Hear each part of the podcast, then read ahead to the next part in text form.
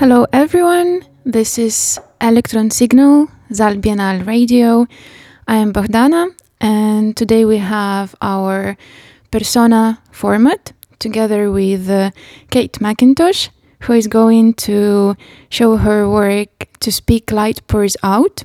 And you still have a chance to see it today in the evening at Sakala 3 location. And together with Kate in the conversation, we have Maike Lond, who is uh, one of the founders of Electron, performer and dramaturg. And uh, I'm very happy to welcome you here in the studio. Hello, Kate. Hello, Maike. Hey, hi. Hello. nice to be here. Thanks. And uh, Bohdana is one of the curators of the radio program. Yes, I am. um, I thought that today we could uh, talk a bit about performing the political or the political in the performance because um, I've seen a lot in the media or in the articles in general about both of your works uh, that uh, they are very often called as being political or being in that sphere. To start with, uh, I'd like to ask a very general uh, and maybe confusing question is what do you consider a performance or what a performance is and what does it mean to perform? Uh, yeah, good Kate? question. Yeah, sure.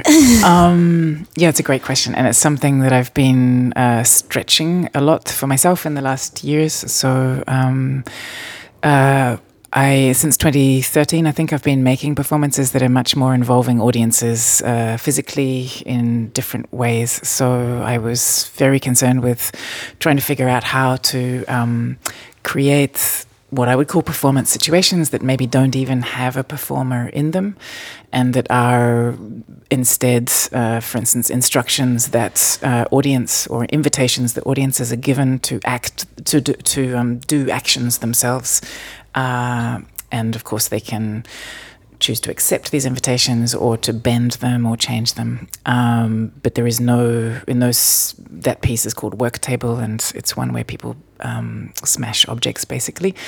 Uh, but there's no audience because there's nobody watching, and there's no performer because there's nobody to be watched. There's just the context and the tools to um, try some actions that are suggested.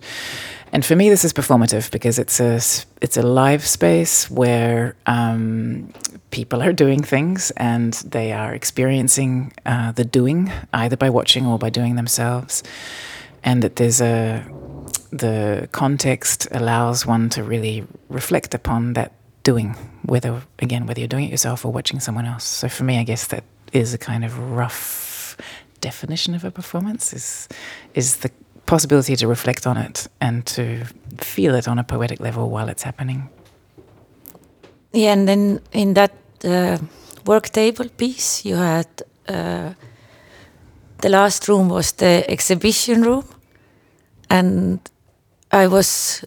Uh, this was for me a surprising space because there were no clear actions taking place, but it was not conventional exhibition space either, because I could see some objects appearing as they were uh, or after they had been prepared, and then some audience members who were in the exhibition space felt free to even then somehow alter or change these presented works.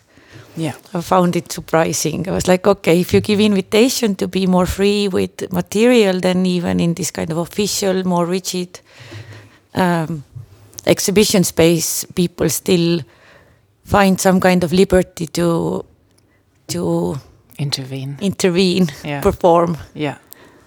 How would it relate in any way to the to speak light pours out? um, yeah. So I spent, I guess, five years. I have a poor sense of time at the moment, but um, really working on three different pieces that involve audiences physically. So they have a lot to do with invitations and uh, contexts where audience meet each other, do things together or alone. And I, for me, there are definitely politics inside those pieces because they talk about uh, cooperation, they talk about awareness of other people, feeling your own individuality, and yet your utter interconnection with other people, and so on.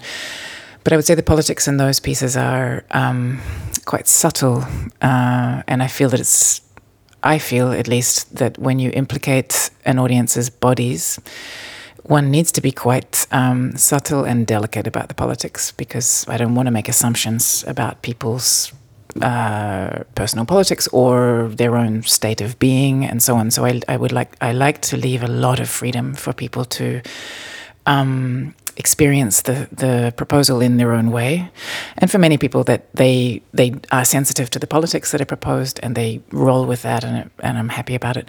But also, lots of people find other ways to experience those spaces, with, and they're quite apolitical, I would say, in their experience. Also fine.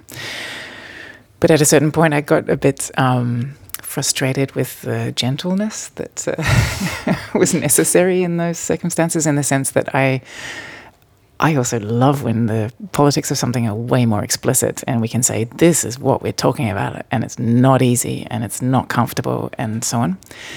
And this, I, I love it. I find there's a great energy inside that way of uh, treating public space, actually, but also performance space. So to speak light Pours Out for me is a big step um, in a different direction. Uh, where we are much more explicit about the political content, about the um, anger behind it, but also the uh, pleasure and the joy and so on. And to do that, I needed to um, go back to a performative format where it the performers are the ones who are putting themselves at risk. We're no longer asking the audience to put themselves at risk by physically uh, being inside the action.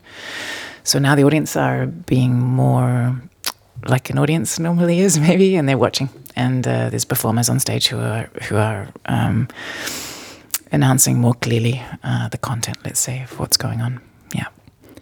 Yeah, from what you said, and also uh, I have had a chance to watch the documentation of your work before, and uh, you mentioned the joy and pleasure, and this is what I felt even through the screen a lot that performers um, they like you can see that they love being there that there is some kind of very positive energy going on and sometimes it even feels that the most political art pieces are the ones where people actually enjoy themselves openly and uh, where they invite the audience to, to share this pleasure. I think it also relates to Maike's works, for example, 10 Journeys to a Place Where nothing happens where at a certain point uh, you start giving drinks to the people in the audience. And how, how do you both of you relate to this joy and pleasure in the performances? Uh, giving drinks was at least just uh, uh, one part of my job at that point which was very not pleasurable uh, because i was working as a bartender and it has its, its ups and the dark sides depending on the day of the hour and the drunkenness of the uh, how you say clientele. Yeah for me uh, performance has its maybe first and most important uh, point of departure is coming from punk and uh, playing in a band on stage and where the uh, I mean which is already kind of youthfully political because as a young teenage punk you are somehow radical towards what uh, the previous generation has proposed. Doesn't matter in which form then. But for me this kind of overlap in punk music very much is where these uh, borders between the the band and the audience often blurs and and it gets very messy and sweaty in a nice way. And i'm not that daring with performances but uh, somehow this quality has never never left. For me it's important somehow to be the same me with the same sincerity as you are when you are performing with a punk band. I don't know. It's difficult to explain but i cannot convince myself even maybe if it's for the benefit of a performance to do something that I'm not totally convinced in. so I have very uh, uh, maybe banal layers in when making myself performances. One is the certain liveness aspect that maybe is only known for myself because I'm not really elaborate in this. And the other one is that I have to myself be convinced. Of what you're doing. Mm-hmm. And what and why. Mm-hmm. I don't know. Uh, form is then maybe much in background because form doesn't convince me that much. And how does it uh, relate to you, Kate, of uh, being on stage? Uh, do you try to go out of yourself or to bring yourself on the stage? um, I'm not actually performing that much anymore, so this is also unusual for me to be on stage uh, uh, this week. Um, I think what I'm relating to a lot in in uh, what Maike is saying is the is actually around music. I think there's something very um, intense about listening to music uh, in a group, which absolutely has the um, is the focus, I think, of a punk band as well. Um, and in the piece that we're doing this week, uh, it's a lot about uh, sound and about uh, drumming and, and rhythm and so on. And I think this is one of the ways that we kind of carry the space and maybe hopefully get into these spaces of joy that you were talking about. It's really less to do with the performers actually and much more to do with the sound that they're producing and what that does to your body when you listen. And um, i love watching people in the audience sometimes just involuntary kind of uh, start to moving their bodies. And then sometimes you hear afterwards someone's like oh, i wanted to dance. But we also work a lot with deep vibrations um, low tones. And of course this is quite strong on the on the body as well. We're also working a lot with voice. And um, in this sense, it relates to your question that I really wanted it to be clear that because we work with text, um, we work with nine different uh, uh, texts from nine different writers. And I wanted this polyvocality to be clear, both in the sources and in us as performers. So um, we spent a lot of time on how to channel the texts. So it's not that we seem to be having things to say to the audience that we have um, uh, thought up by ourselves and that belong to us. Uh, my desire was to make a performance where you, you feel that the the performers are like tubes through which these words are arriving and they come from another place and they arrive here and they pass through the audience and maybe go on to somewhere else as well. And um, so yeah, it felt less about us as individual personalities or needing having something particular to express, and more that we wanted to make ourselves available to pass this these things through ourselves. And this feels quite visceral in terms of the vocalness, the vocality, but also in we keep all the texts on paper. We read from the paper. All these are ways to make it clear that they're not our singular ideas. They belong to uh, other voices that we're bringing together in this space. Is it important to to know uh, who you quote if you quote? Or yeah, these were interesting questions that we had during the making of it. In the end, we decided not to individually, um, uh, let's say, notate. I mean, uh, the audience reads along with us because so the texts are all there live ah, at the same nice. time as we speak, so that it's it's uh, there's different layers of relating, let's say, to the words.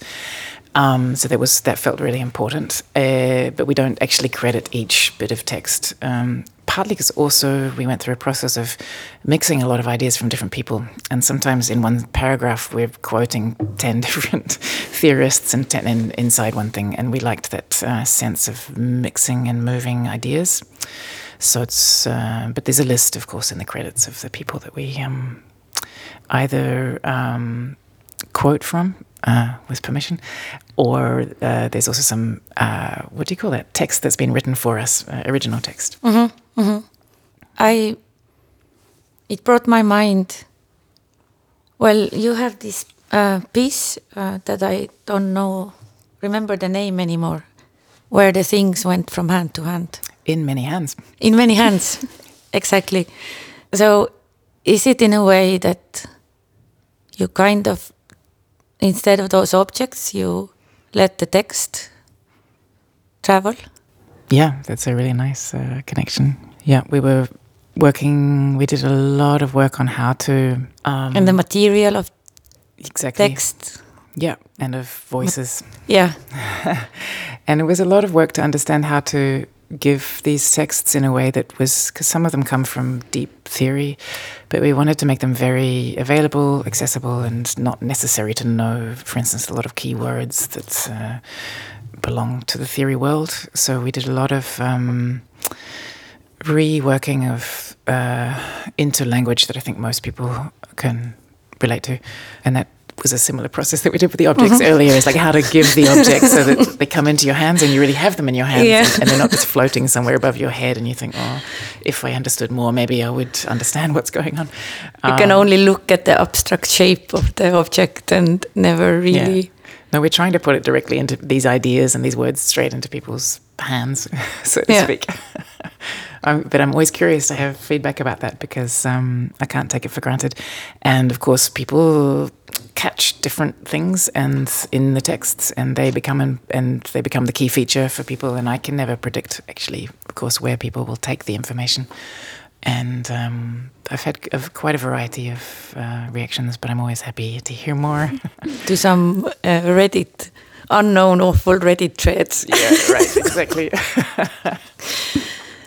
I really liked also that uh, it was done through the use of different languages at the same time, mm. And this simultaneity of uh, them sounding together at the same time, and it also felt like I don't even need to understand the languages or like the exact words because the meaning was already in this mess, and it was like so great to hear them all. Uh, being spoken at the same time and creating this atmosphere that was really great. Hmm. Cool. When did it open?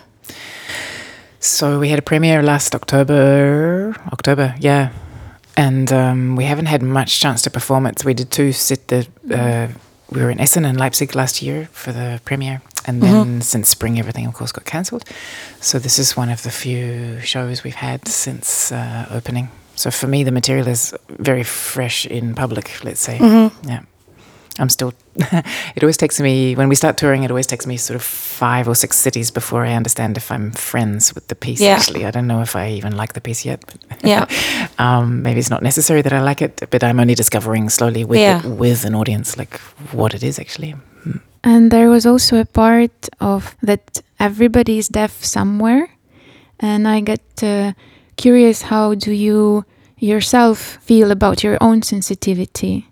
Yeah, I mean, when we were doing research for this piece, of course, it became clear that we all come from subjective histories and and gaps in knowledge as well as fullness of knowledge, right? So that's this is the complexity. We all have a great deal of knowledge and also a lot of gaps and experience. Same with experience. So. Um, I feel it's really important just to embrace the knowledge that one has those gaps and uh, also that one makes a lot of mistakes. Um, and mainly the best thing it felt like for me is just to know that that is happening and always be ready to embrace that and not make it scary.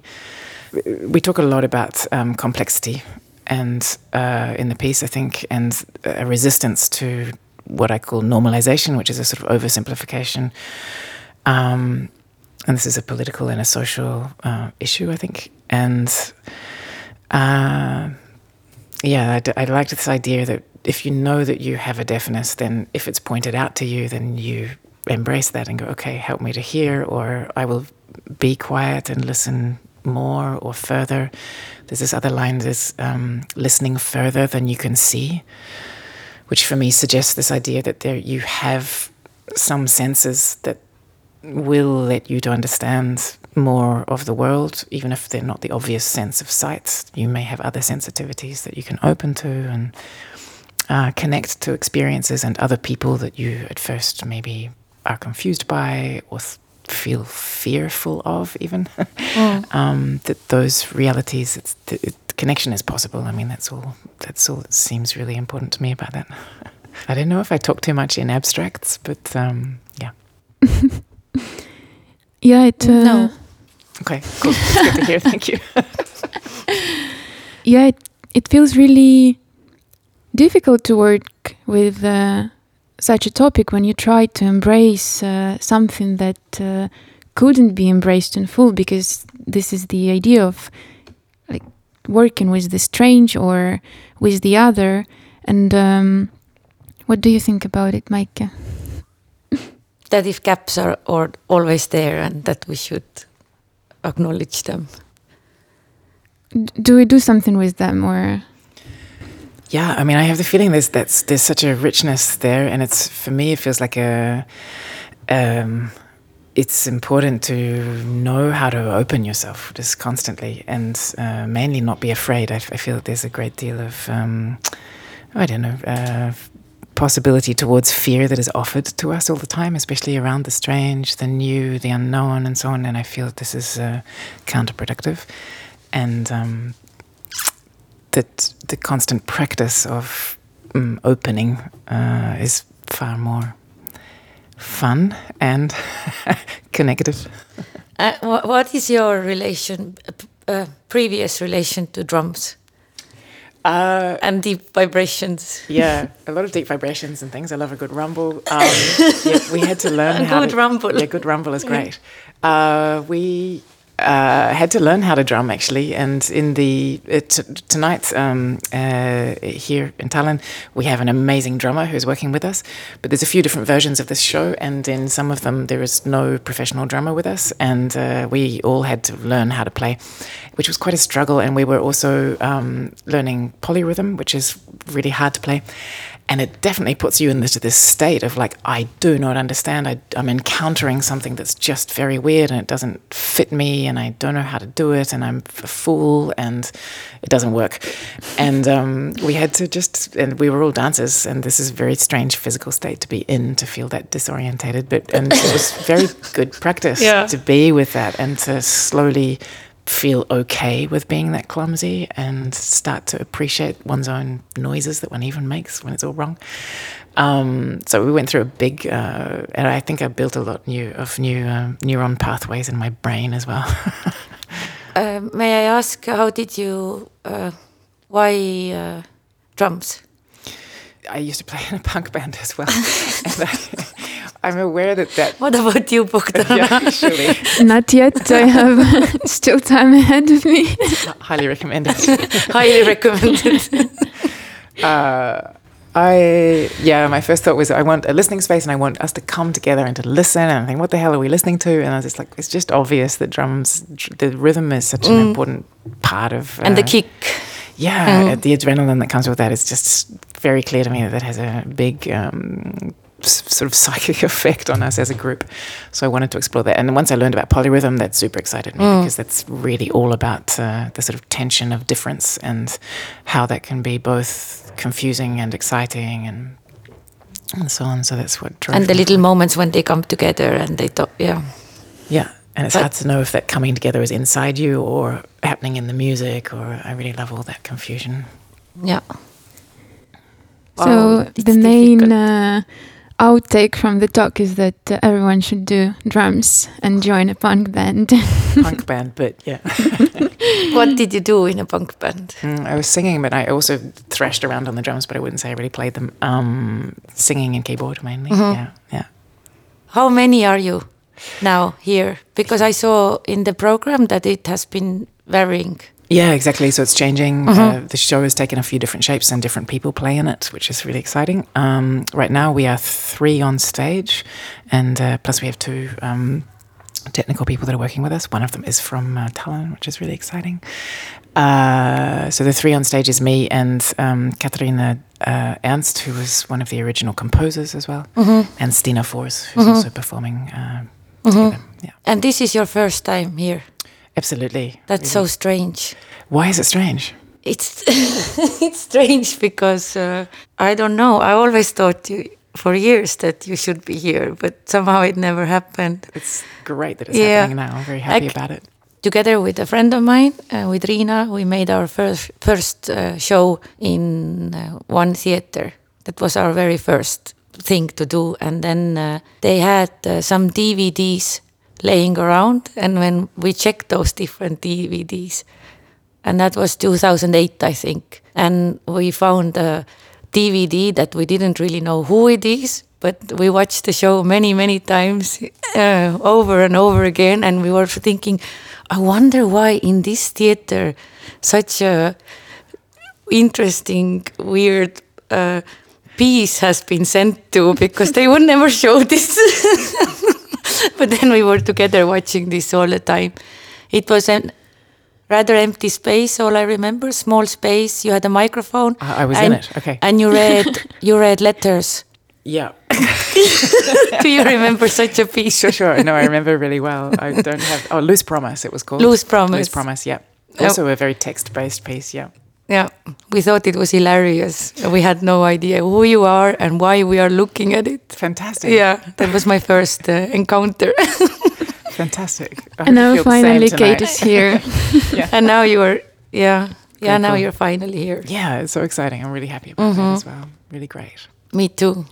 Amazing. And uh, I'm sure our listeners are as excited to see the performance that you can still see today in Sakala 3 to speak Light Pours Out. Our time is over, unfortunately. Really grateful for you, Kate, for coming here, and for you, Maike, for being here. It was a great conversation. And greetings to Annika who invited Kate. Fantastic. Yes. Yeah.